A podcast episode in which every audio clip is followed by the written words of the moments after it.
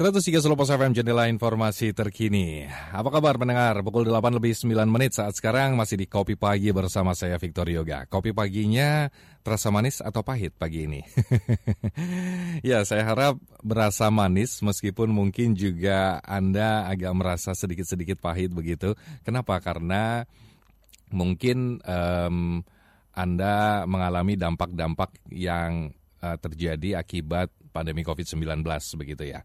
Oke, dan mungkin juga agak berasa pahit ketika Anda saat ini sudah mulai rindu dengan yang namanya pergelaran-pergelaran seni begitu. Yang kalau di Kota Solo sendiri sejak Kota Solo ditetapkan sebagai uh, eh, KLB atau uh, kejadian luar biasa COVID-19, yang namanya pertunjukan seni sudah ditiadakan dulu ini ya, baik yang reguler maupun yang non reguler Um, contohnya kayak misalkan pertunjukan uh, wayang orang, kemudian juga ketoprak yang ada di um, apa namanya di Kota Solo ini. Kita punya beberapa venue yang biasa menggelar pertunjukan-pertunjukan tradisional yang itu semua uh, ditutup sampai dengan hari ini dan mungkin sudah mulai akan dijalankan begitu ya dengan protokol new normal tentu saja. Nah ini menjadi satu apa ya menjadi satu keprihatinan juga.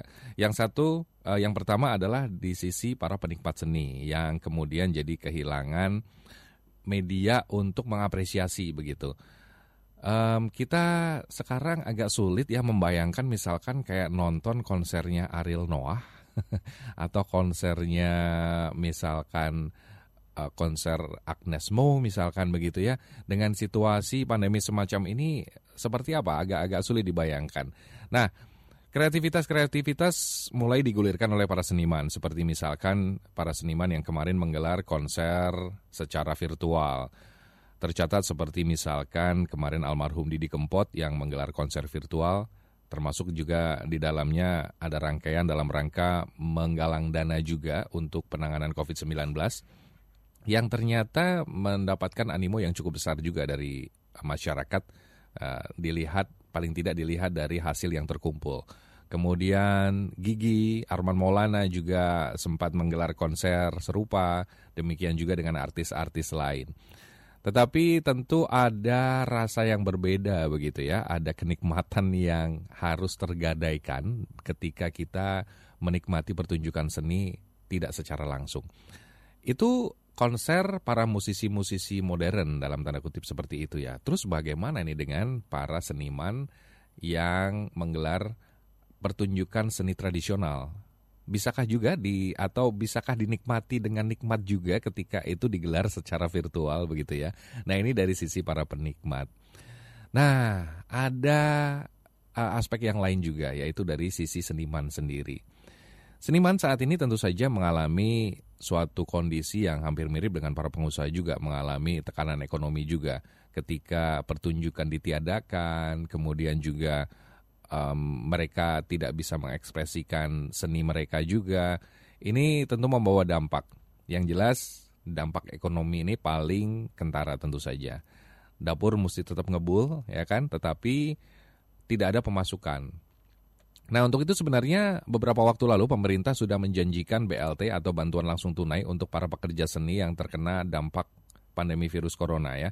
Ini dari semua sektor seni, maksudnya baik itu seni pertunjukan, panggung, uh, tradisional maupun juga para pekerja seni yang lain ya, termasuk seni sinematografi nih. Seperti kita tahu agak susah juga nih sekarang mau syuting film ya kan.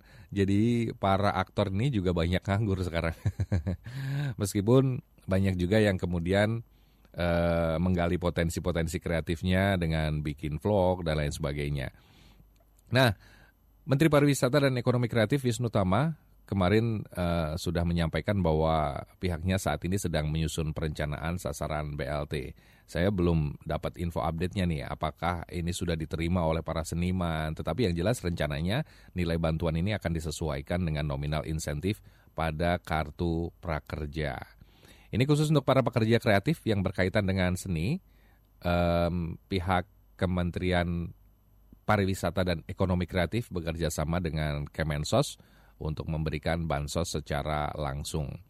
Perencanaannya sudah sejak bulan Januari, Februari, Maret, April Uh, bulan April itu sudah mulai direncanakan begitu ya. Sekarang sudah bulan Juni, seperti apa nanti kita coba akan cek juga.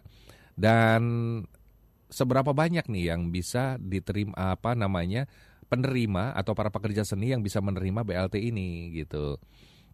Yang jelas sebenarnya pihak dari Kementerian Pariwisata dan Ekonomi Kreatif sudah uh, mengharapkan bantuan ini bisa segera terrealisasi untuk meringankan beban pekerja seni yang kehilangan pekerjaan.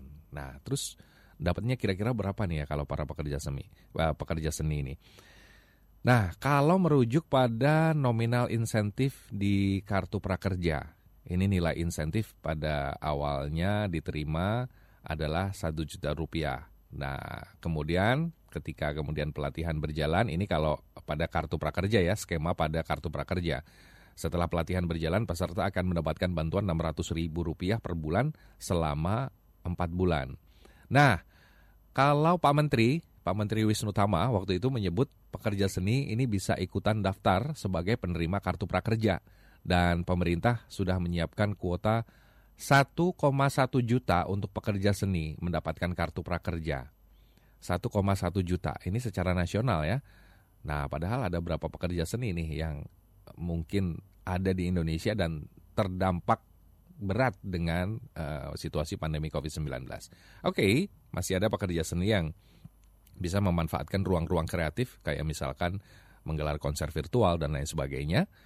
Um, kemudian juga uh, ya memanfaatkan teknologi lah ya. Tetapi ada juga pekerja-pekerja seni, terutama pekerja seni tradisional yang sepertinya masih agak kesulitan baik secara individunya maupun juga jenis seninya yang mungkin agak sulit ketika harus ditransfer ke bentuk digital begitu.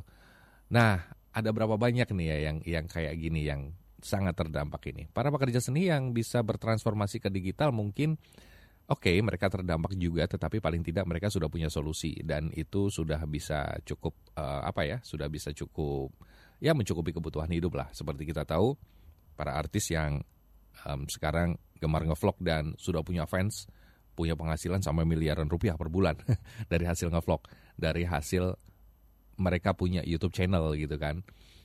Nah, tetapi masih ada berapa banyak ini para pekerja seni kita yang mungkin masih ya boleh dibilang agak gagap begitu kan dengan uh, teknologi baru dan lain sebagainya. Nah, terus apa yang mesti dilakukan ini? Uh, di sisi lain, kemudian sekarang kita sudah beranjak ke era new normal, di mana kegiatan-kegiatan perekonomian sudah mulai dibuka, ada pelonggaran-pelonggaran di sana-sini. Bagaimana dengan pertunjukan seni yang ini juga melibatkan para seniman tentu saja?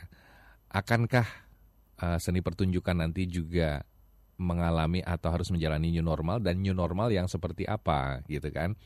Agak mungkin masih belum terlalu kebayang juga ya. Katakanlah gini uh, membayangkan nonton seni wayang orang atau ketoprak dengan melakukan protokol social distancing atau physical distancing. Um, seperti apa kira kira-kira begitu ya?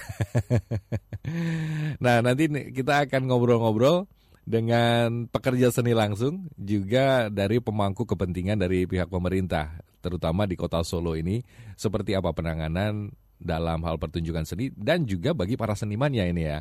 Nah, nanti eh, kita akan simak obrolan-obrolannya dan saya undang Anda juga nanti untuk ikut berkomentar terkait dengan eh, bagaimana seni pertunjukan dan juga pelaku seni lah ya, pelaku seni dan pelaku wisata juga di kota Solo ini tetap bisa menjaga asanya atau menjaga harapannya di kala pandemi corona. Jadi tetaplah di 103 Solo Pos FM, jendela informasi terkini. Aku Citra Kirana. Aku mau cerita sedikit nih soal hijabku. Dulu aku berhijab karena peran aku. Tapi setelah lima tahun, aku memutuskan buat jadiin hijab sebagai komitmenku. Otomatis, aku harus menjaga kesegarannya dong. Karena hijabku adalah titik suksesku. Nah, biasanya kalau abis aktivitas di luar seharian, hijab kan suka bau apek banget tuh. Tapi buat aku enggak. Sampai pada nanya, Ciki, pakai parfum apa sih? Wangi banget. Aku bilang, aku pakai yang baru. Wow, mereka langsung pada penasaran. Pakai apa? Pakai apa? Aku jawab, aku pakai Royal Parfum Series by Socklin Hijab Black Velvet. Pelembut pakaian konsentrat untuk hijab dan pakaianku. Fresh Guard formulanya menjaga kesegaran di serat kain terhalus dan rapat. Royal Active Touch-nya tebar parfum mewah dan elegan sepanjang hari. Aku dan hijabku jadi segar dan wangi terus. Royal Parfum Series by Socklin Hijab Black Velvet. Send for success.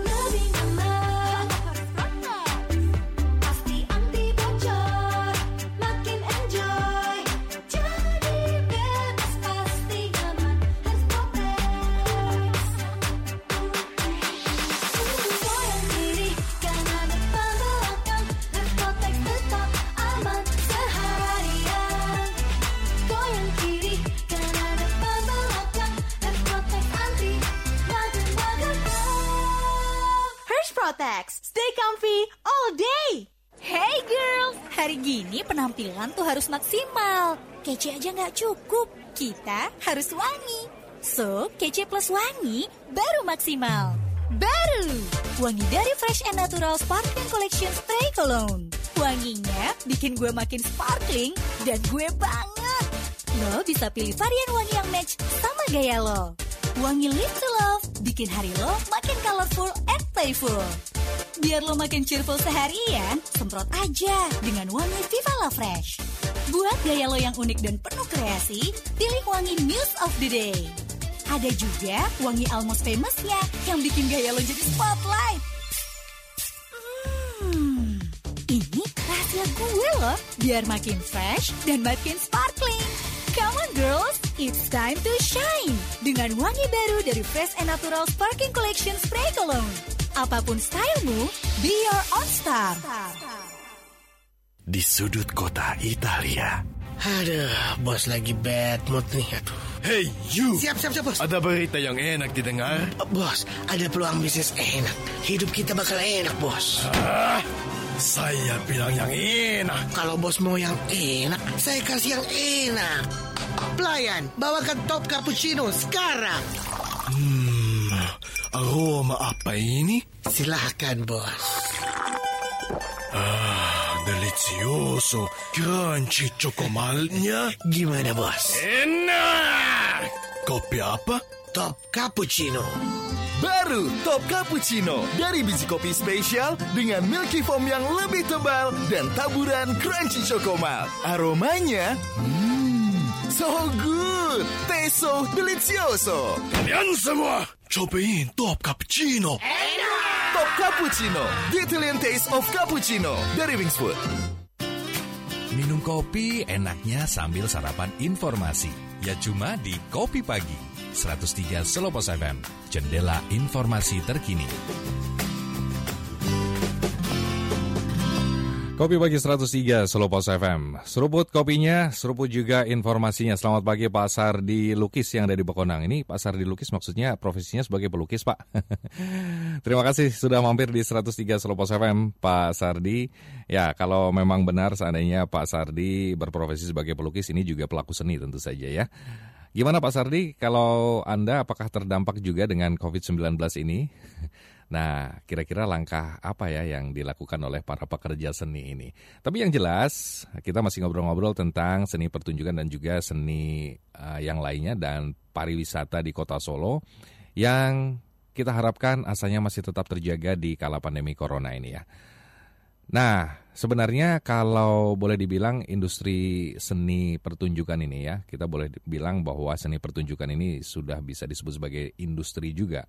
Meskipun ya hidupnya begitulah ya, kadang-kadang pengelolaannya masih menjadi problem gitu. Tetapi at least sudah lebih baik. Yang jelas di masa situasi pandemi ini, kita lihat sebenarnya seni pertunjukan masih memiliki detak kehidupan. Meskipun beberapa pelaksananya masih uh, dominan apa ya masih ya belum terlalu masuk ke area profitability art atau seni yang bisa menghasilkan keuntungan. Dan ditambah lagi dengan situasi pandemi ini, pemerintah sedang menyiapkan juga skenario new normal untuk bisa hidup berdampingan dengan pandemi corona termasuk juga dalam bidang seni ini. Bagaimana dengan para pekerja seninya? Kita melihat ada optimisme di tengah pandemi corona ini di kalangan para pekerja seni atau para seniman. Paling tidak ini bisa terbaca pada para seniman ketoprak dan juga wayang orang Sriwedari yang ada di kota Solo ini. Pementasan wayang orang Sriwedari di Solo itu eh, terakhir digelar pada 13 Maret 2020. Setelah itu kemudian di lockdown. Pada saat itu, tiket yang terjual kepada masyarakat hanya kurang lebih 20 persen, yaitu sebanyak 126 kursi dari total kapasitas sebanyak 600 kursi. Nah, ada kabar menarik juga bahwa gelaran wayang orang ini sudah dibuka kembali pada hari Jumat yang lalu, seminggu yang lalu, tanggal 19 Juni 2020 sudah menyelenggarakan pementasan langsung pada hari Jumat dan Sabtu saja. Nah, seperti apa kira-kira uh, situasi para pekerja seni? Nah, berikut sudah ada petikan wawancara Solopos FM dengan Pak atau Mas Agus Prasetyo. Beliau adalah koordinator Wayang Orang Sriwedari. Seperti apa? Kita simak. Pemerintah kota sudah membuka uh, situasinya untuk uh, seni pertunjukan bisa melakukan kegiatan lagi dan kami instruksinya juga langsung dari uh, Pak Wali Kota bahwa kemudian Sriwedari bisa uh, pertunjukan live dan ditonton secara langsung gitu. Jadi kemudian mulai kemarin malam memang kita membuka untuk penonton langsung gitu ya dari Dinas Kebudayaan. Kemudian ini sebagai uji coba awal uh, kita respon masyarakat seperti apa dan kita perlakuan untuk protokol kesehatan ini bisa tercapai atau enggaknya ini kita uji coba dalam dua hari ini. Nah, cuma nanti ketika kemudian akan melihat perkembangannya seperti apa ketika ternyata uh, penonton juga bisa mematuhi protokol kesehatan dan juga ada perkembangan uh, minat penonton, saya kira kemudian pemerintah kota juga akan berkembang untuk kuantitas pentasnya bisa ditambah lagi gitu. Bahkan sebenarnya kemarin uh, Pak Kepala Dinas kami Pak Kepala Dinas Kebudayaan itu juga sudah mewacanakan apakah kemudian akan mengkaji apakah kemudian nantinya kembali seperti semula jadi uh, enam kali pentas dalam seminggu gitu. Dalam protap ini kan termasuk uh, level umur dibatasi sebenarnya ya untuk lansia kemudian memang anak itu antara 0 sampai dengan 12 tahun sehingga ya kami memang harus mengikuti protap itu jadi nggih mohon maaf pada masyarakat dan bukan dalam arti kita apa namanya menolak atau bagaimana tapi memang kami harus mematuhi protokol itu. Nikmati kopinya, nikmati informasinya. Di 103 Solo Pos FM, jendela informasi terkini. 103 Solo Pos FM, jendela informasi terkini. Kopi pagi 103 Solo Pos FM, pagi ini kita ngobrol-ngobrol tentang dampak pandemi corona di tengah para seniman dan pelaku wisata di kota Solo ya. Meskipun demikian, dari wawancara dengan Mas Agus Prasetyo tadi ya, koordinator Wayang Orang Sriwedari, ternyata asa itu masih dimiliki loh sebenarnya oleh para pekerja seni di kota Solo. Meskipun di tengah era new normal sekarang ini, uh, penonton diharapkan menaati protokol kesehatan Nah, ketika kita kemudian ingin menikmati pertunjukan seni sebagai sebuah kegiatan yang rileks, tetapi ternyata harus terpatok dengan protokol-protokol yang begitu ketat, akankah kenikmatan menyaksikan pertunjukan seni ini masih bisa kita nikmati begitu ya? Dan seperti apa para pekerja seni ini menyikapi hal ini begitu? uh, wayang orang Sriwadari sekarang dua kali seminggu untuk sementara ya pertunjukannya. Ketoprak Balikambang seperti apa ya? Nah saat ini saya sudah terhubung dengan Pak Suharno, pegiat seni ketoprak di Balikambang. Selamat pagi Pak Suharno. Selamat pagi Mas Victor. Kabar baik Pak Harno, salam sehat. Alhamdulillah, sehat selalu. Sehat selalu Pak Harno. Pak Harno, kalau teman-teman di Wayang Orang Sriwadari sudah mulai menyelenggarakan pertunjukan dua kali seminggu ya, mulai pekan lalu. Bagaimana dengan di teman-teman di Ketoprak Balikambang, Pak Arno? Ya, dalam kondisi yang normal itu saja kita akan hanya pindahnya satu minggu sekali mas ya. Betul. Sabtu malam. Mm -hmm. nah, kemudian selama pandemi mulai Maret itu pertengahan sampai hari ini. Kemarin hari Sabtu kita baru bisa melakukan pentas secara online ya melalui streaming di YouTube hmm. dan pariwisata. Itu yang hmm. pertama kali kita adakan pentas tanpa penonton, namun lewat uh, YouTube atau lewat media online. Online ya. Dan ternyata memang untuk merubah ke format online itu tidak gampang ya, artinya perlu hmm. penyesuaian ya. Nah ini maaf, tidak gampangnya ya. gimana Pak Arno dari uh, para seniman, apakah merasa beda gitu nggak ditonton gitu atau atau seperti apa Pak Arno?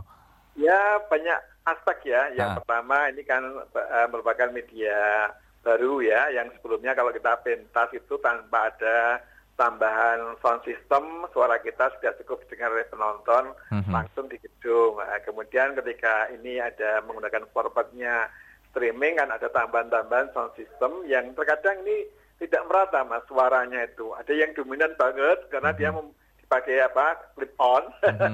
Oke, okay, iya. Ya, itu memang uh, kita akui ya masih uh, permulaan lah kita masih perlu belajar.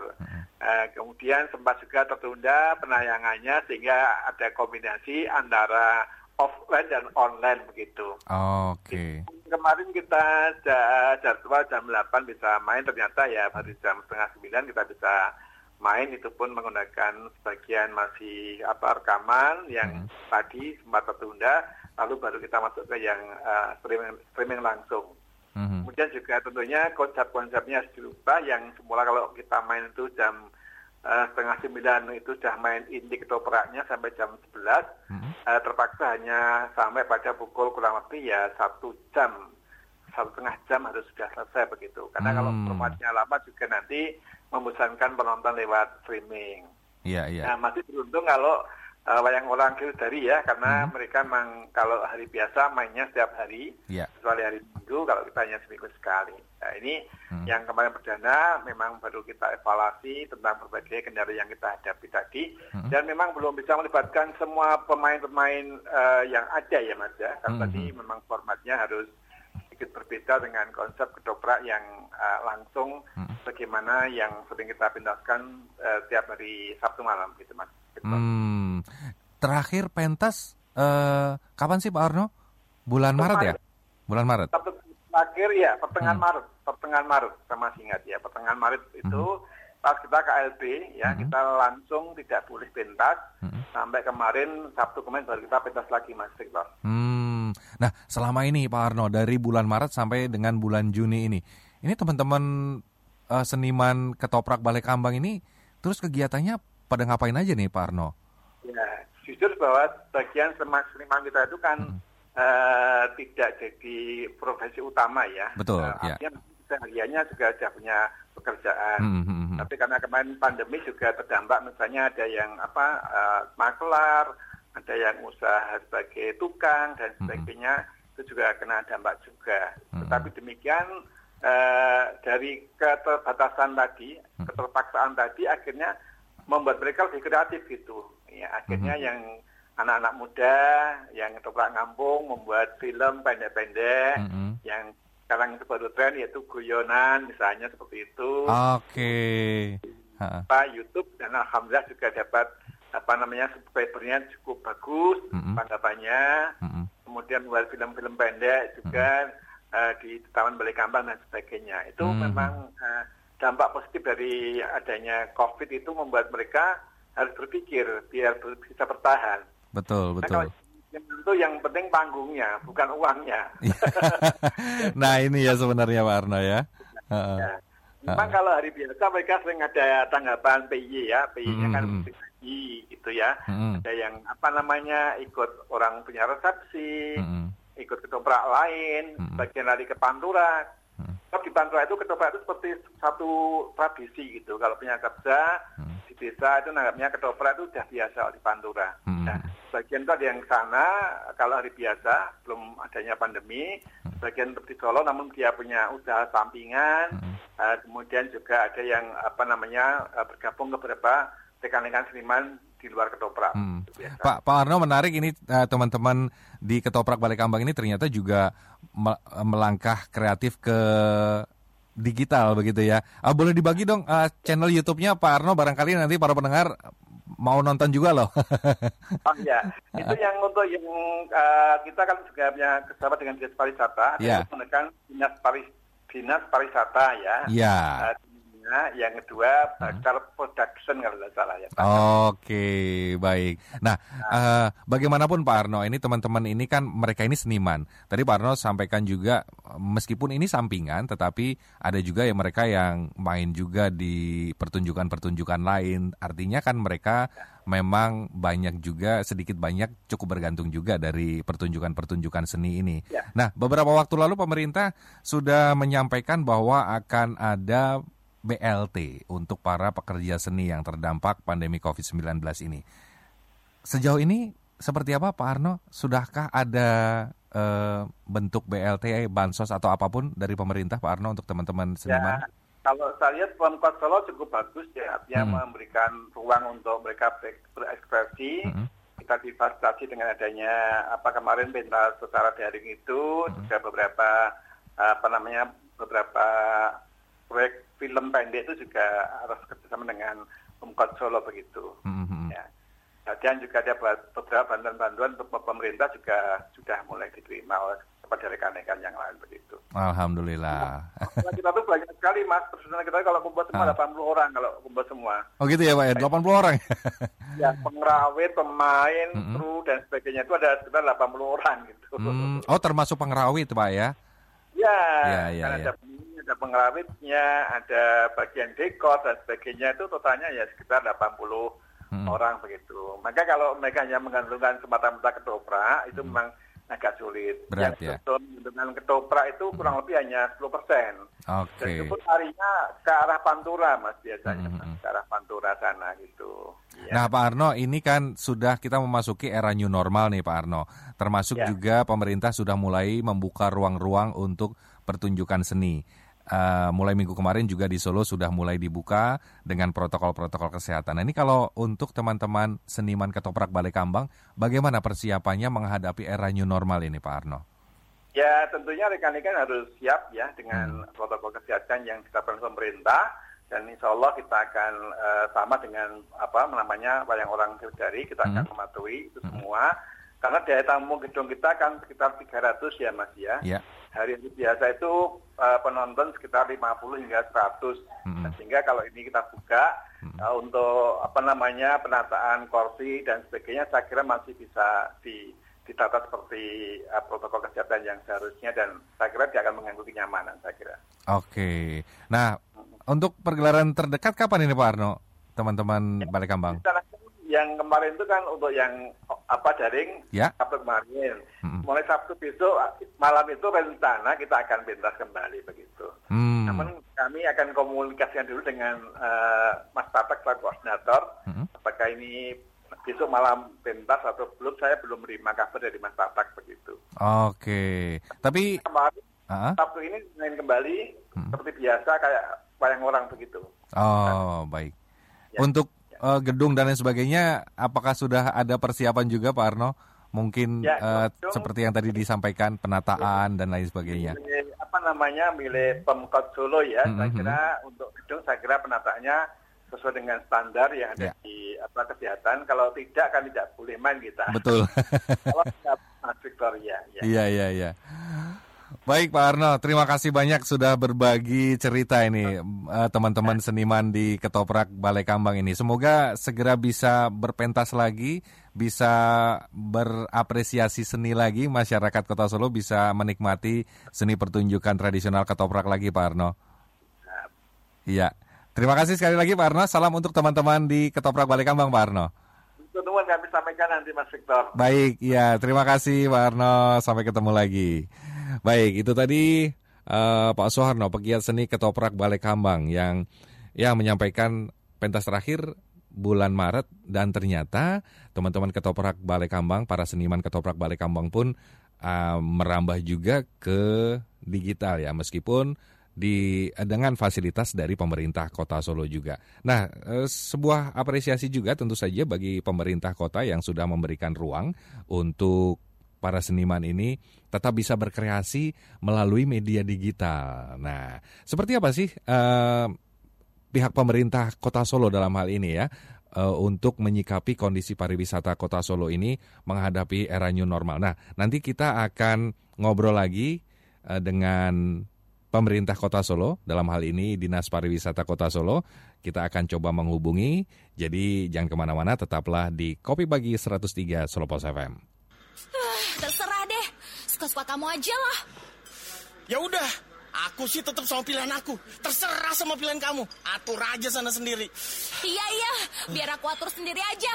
Suka-suka aku. Atur aja atur. Kayak ini nih yang jelas rasa dan kualitasnya. Baru mie sedap selection Korean spicy chicken. Atur sendiri pedasnya. Tuang satu, pedas nikmat. Oh, pedas. Tuang dua, pedas gila. Cinca pedas.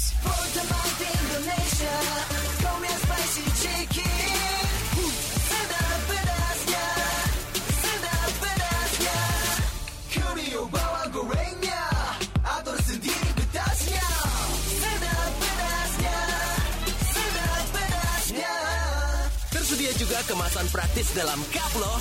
Penasaran gimana enaknya? Kalau kata Siwon sih, cobain aja sendiri. Dari Wings Food.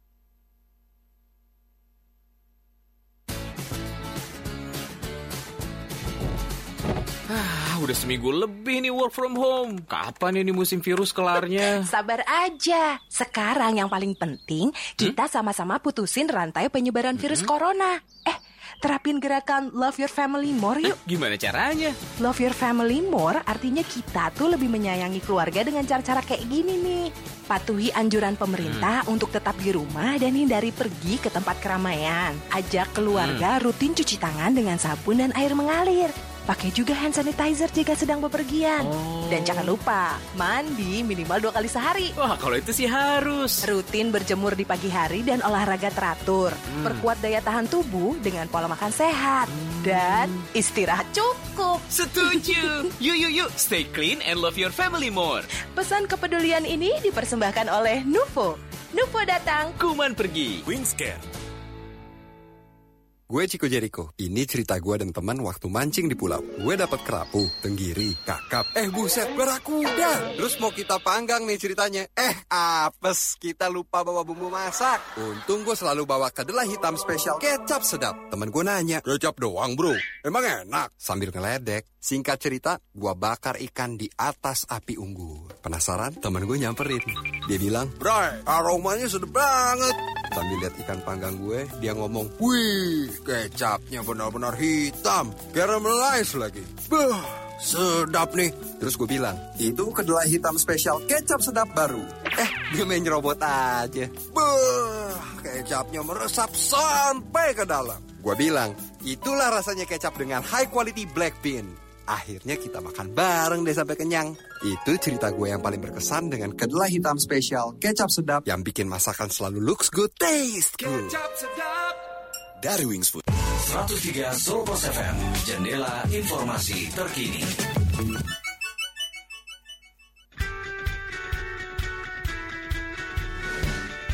Minum kopi enaknya sambil sarapan informasi.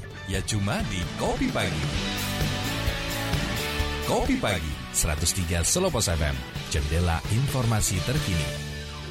Kopi Pagi 103 Solo Pos FM, jendela informasi terkini masih bersama saya Victor Yoga di Kopi Pagi kali ini.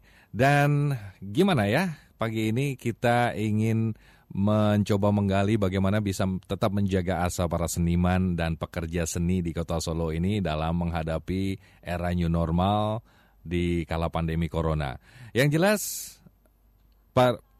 para pekerja seni di Kota Solo ini eh, sudah mulai beralih juga atau me- apa ya? beradaptasi dengan perubahan perilaku dalam hal ini misalkan perilaku digital ya. Nah, terus sekarang yang menjadi salah satu yang diharapkan tentu saja adalah eh, partisipasi pemerintah bukan partisipasi ya tetapi fasilitas dari pemerintah bantuan dari pemerintah ketika para seniman ini terdampak dengan pandemi corona. Nah bersama saya sekarang di line telepon sudah ada Pak Hasta Gunawan Kepala Dinas Pariwisata Kota Solo. Selamat pagi Pak Hasta Gunawan. Selamat pagi Mas Victor. Salam sehat Pak Hasta. Alhamdulillah sehat. Iya, Pak Hasta, ini saya cukup eh, apa ya, sangat bergembira begitu ya mendengar teman-teman seniman di Kota Solo ini ternyata masih menunjukkan antusiasme bahkan ketika minggu kemarin eh, wayang orang Sriwedari sudah mulai pentas Pak Hasta ya, betul ya? Ya sudah. Ya. Ah, Ketoprak juga sudah. Ketoprak juga sudah ya. Nah ini eh, kalau sejauh ini sebenarnya bagaimana sih kondisi em, pertunjukan ataupun seni budaya dan dalam eh, apa namanya skup yang lebih luas pariwisata Kota Solo ini selama pandemi hingga saat ini Pak Asta? Ya. Eh, industri pariwisata Hmm. memang industri yang paling terdampak ya. Ya.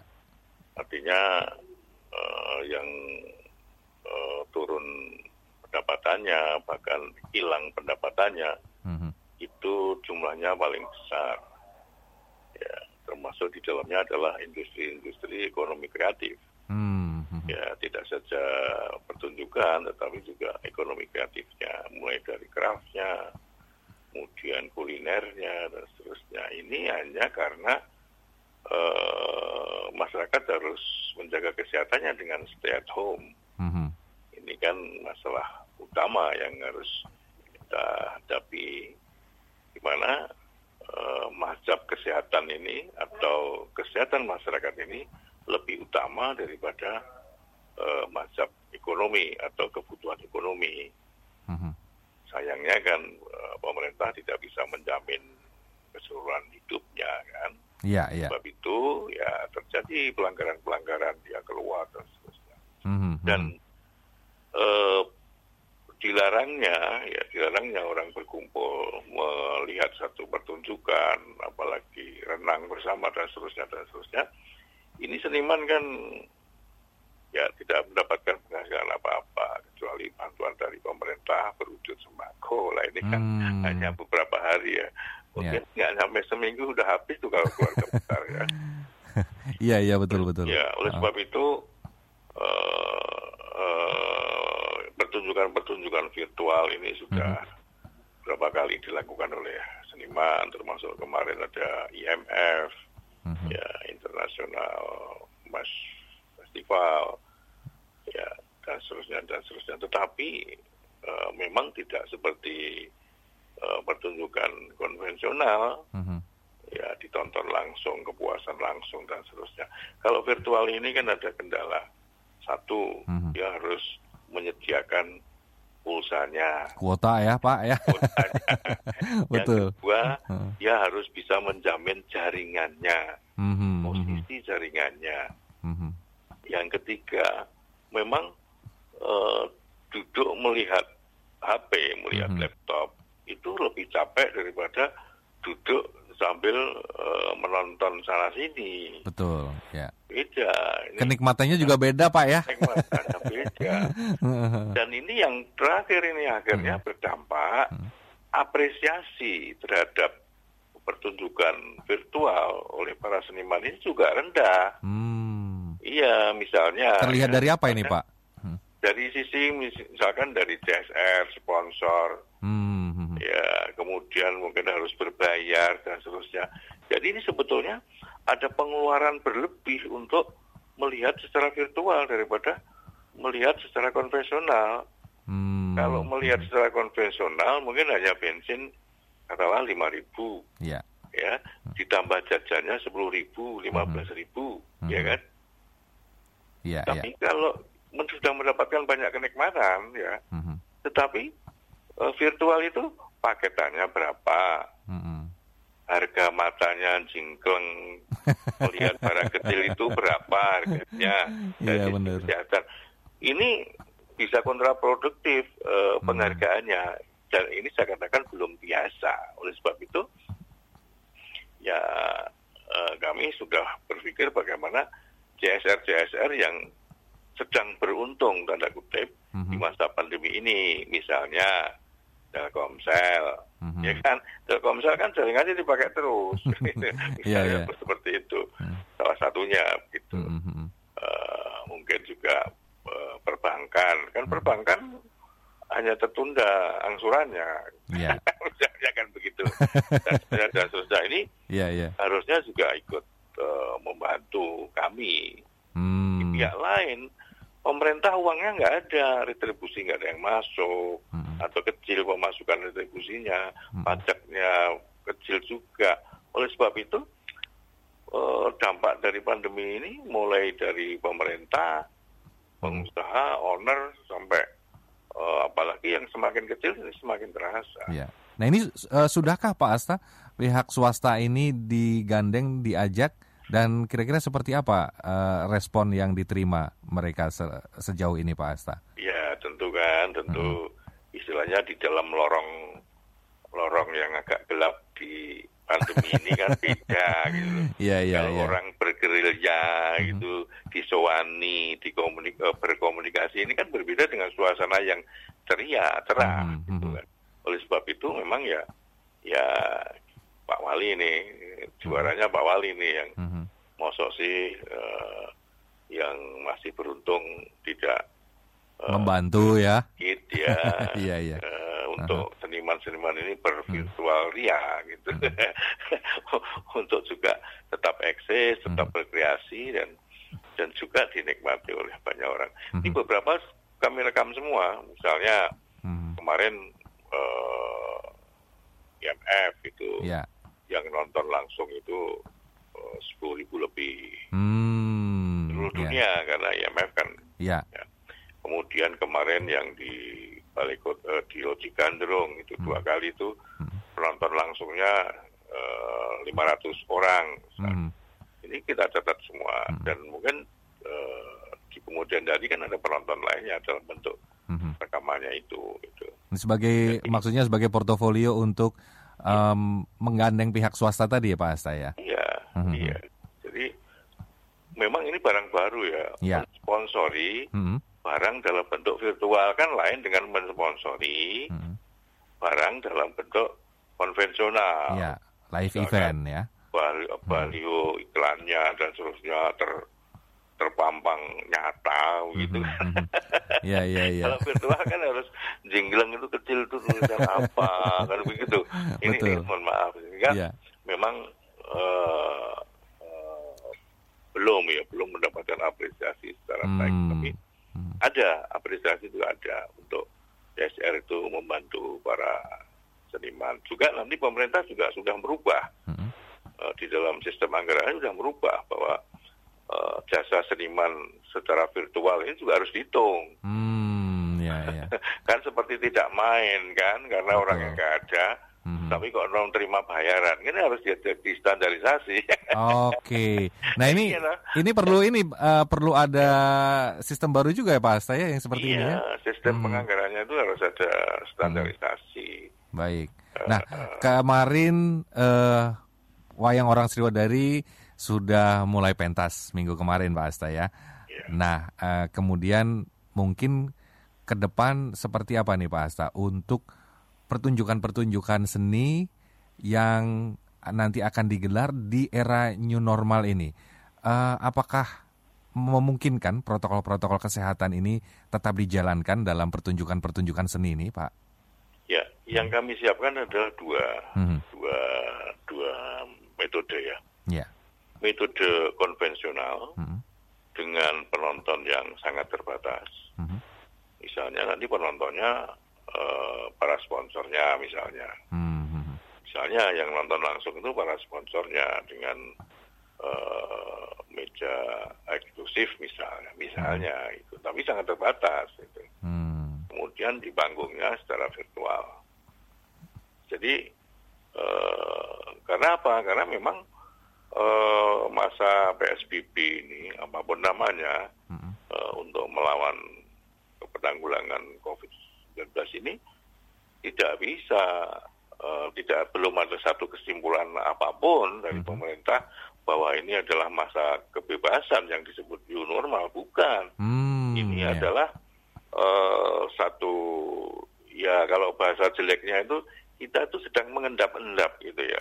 Sedikit demi sedikit Iya, iya, ya, mendapatkan keamanan jaminan keamanan. Ini caranya bagaimana? Ini yang kita ber- eh, berbuat seperti ini nih mas. Mas Victor. Jadi kita nggak bisa eh, belum ada ya belum ada pejabat satupun di negeri ini atau bahkan di negeri lain yang sudah sekarang sudah bebas namanya new normal. Enggak enggak enggak jadi new normal itu sendiri itu kan sudah ketat sekali Ya. tetapi Mas Victor dan pendengar yang berbahagia bahwa new normal ini hanya mohon maaf ini tanda kutip itu hanya di tempat-tempat yang bersifat internasional. Oke. Saya melihat tempat-tempat yang eh, lokal atau keluarga gitu ya, misalnya pasar, misalnya kalau hotel ya hotel yang non bintang, Iya. ini masih ceroboh.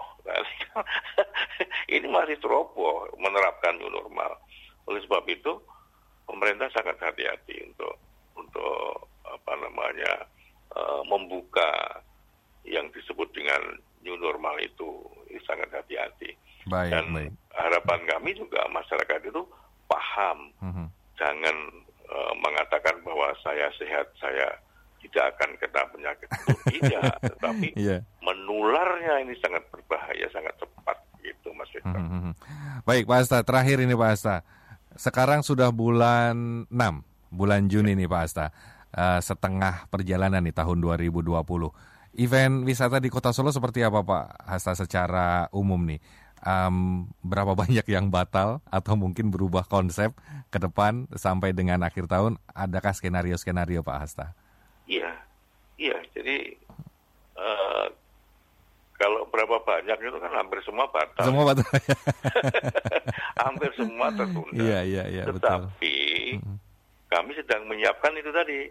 Mhm. Eh, eh, ad- ada konvensionalnya Mhm. orang yang sangat terbatas, Iya kan? Iya. Kita bisa kita jual secara eksklusif, Mhm. ya kan? Terus selebihnya kita eh, tunjukkan dalam bentuk virtual. Virtual ya. Artinya eh, intinya bahwa tema itu tema virtual. Mhm. Ada penontonnya, misalnya penontonnya 10, di mana 10 itu para sponsor. Hmm, baik, baik, baik. Begitu. Jadi nanti sponsor tidak diekspos. Mhm, mhm. Di, di layar virtual sponsor tidak diekspos. Iya, iya. Tidak diekspos tetapi dia bisa eksklusif nonton di situ tapi dengan membiayai itu. Hmm. Konsep ke depan seperti itu. Baik, baik, baik. Ya. Ya, mungkin nanti eh, sambil berjalannya waktu, kemudian juga eh, entah new normal atau apa pun sebutannya nanti barangkali ini masih butuh adaptasi dan mungkin ada penyesuaian-penyesuaian di tengah jalan ya Pak Asta ya. Betul. Iya, baik. Terima kasih banyak ini Pak Asta. Sayang sekali waktu kita sudah habis. Eh, semoga semua perencanaan bisa berjalan dengan baik dan event wisata maupun seni budaya di Kota Solo bisa bergeliat lagi, bisa diapresiasi lagi. Terima kasih Pak Asta. Salam untuk teman-teman di Dinas Pariwisata Kota Solo. Selamat beraktivitas kembali. Iya, baik terima kasih. Itu tadi Pak Hasta Gunawan Kepala Dinas Pariwisata Kota Solo. Jadi ternyata sebenarnya eh, pemerintah Kota Solo juga sudah menyiapkan skenario-skenario bagaimana konsep-konsep baru event-event pariwisata maupun seni ini tetap berjalan di Kota Solo. Saya sapa selamat pagi. Kalau Pak Sardi di Bekonang ini juga salah satu pekerja seni, tetapi bukan seni pertunjukan ya. Ini eh, karya seni lukis begitu. Jadi kalau salah satu strateginya kata Pak Sardi selama COVID tetap berkarya, nanti suasana normal tinggal transaksi begitu kira-kira. Baik kalau begitu terima kasih sudah bersama-sama saya di Kopi Pagi edisi hari ini Jumat 26 Juni 2020. Semoga seni budaya di Kota Solo tetap bisa bergeliat lagi, tetap bisa survive dan mendapatkan tempat di hati penontonnya. Saya Victor Yoga pamit dulu selepas kilas peristiwa pukul 9 pagi saya masih akan menemani Anda di segmen ekonomi dan bisnis. Tetaplah di 103 Solo Pos FM.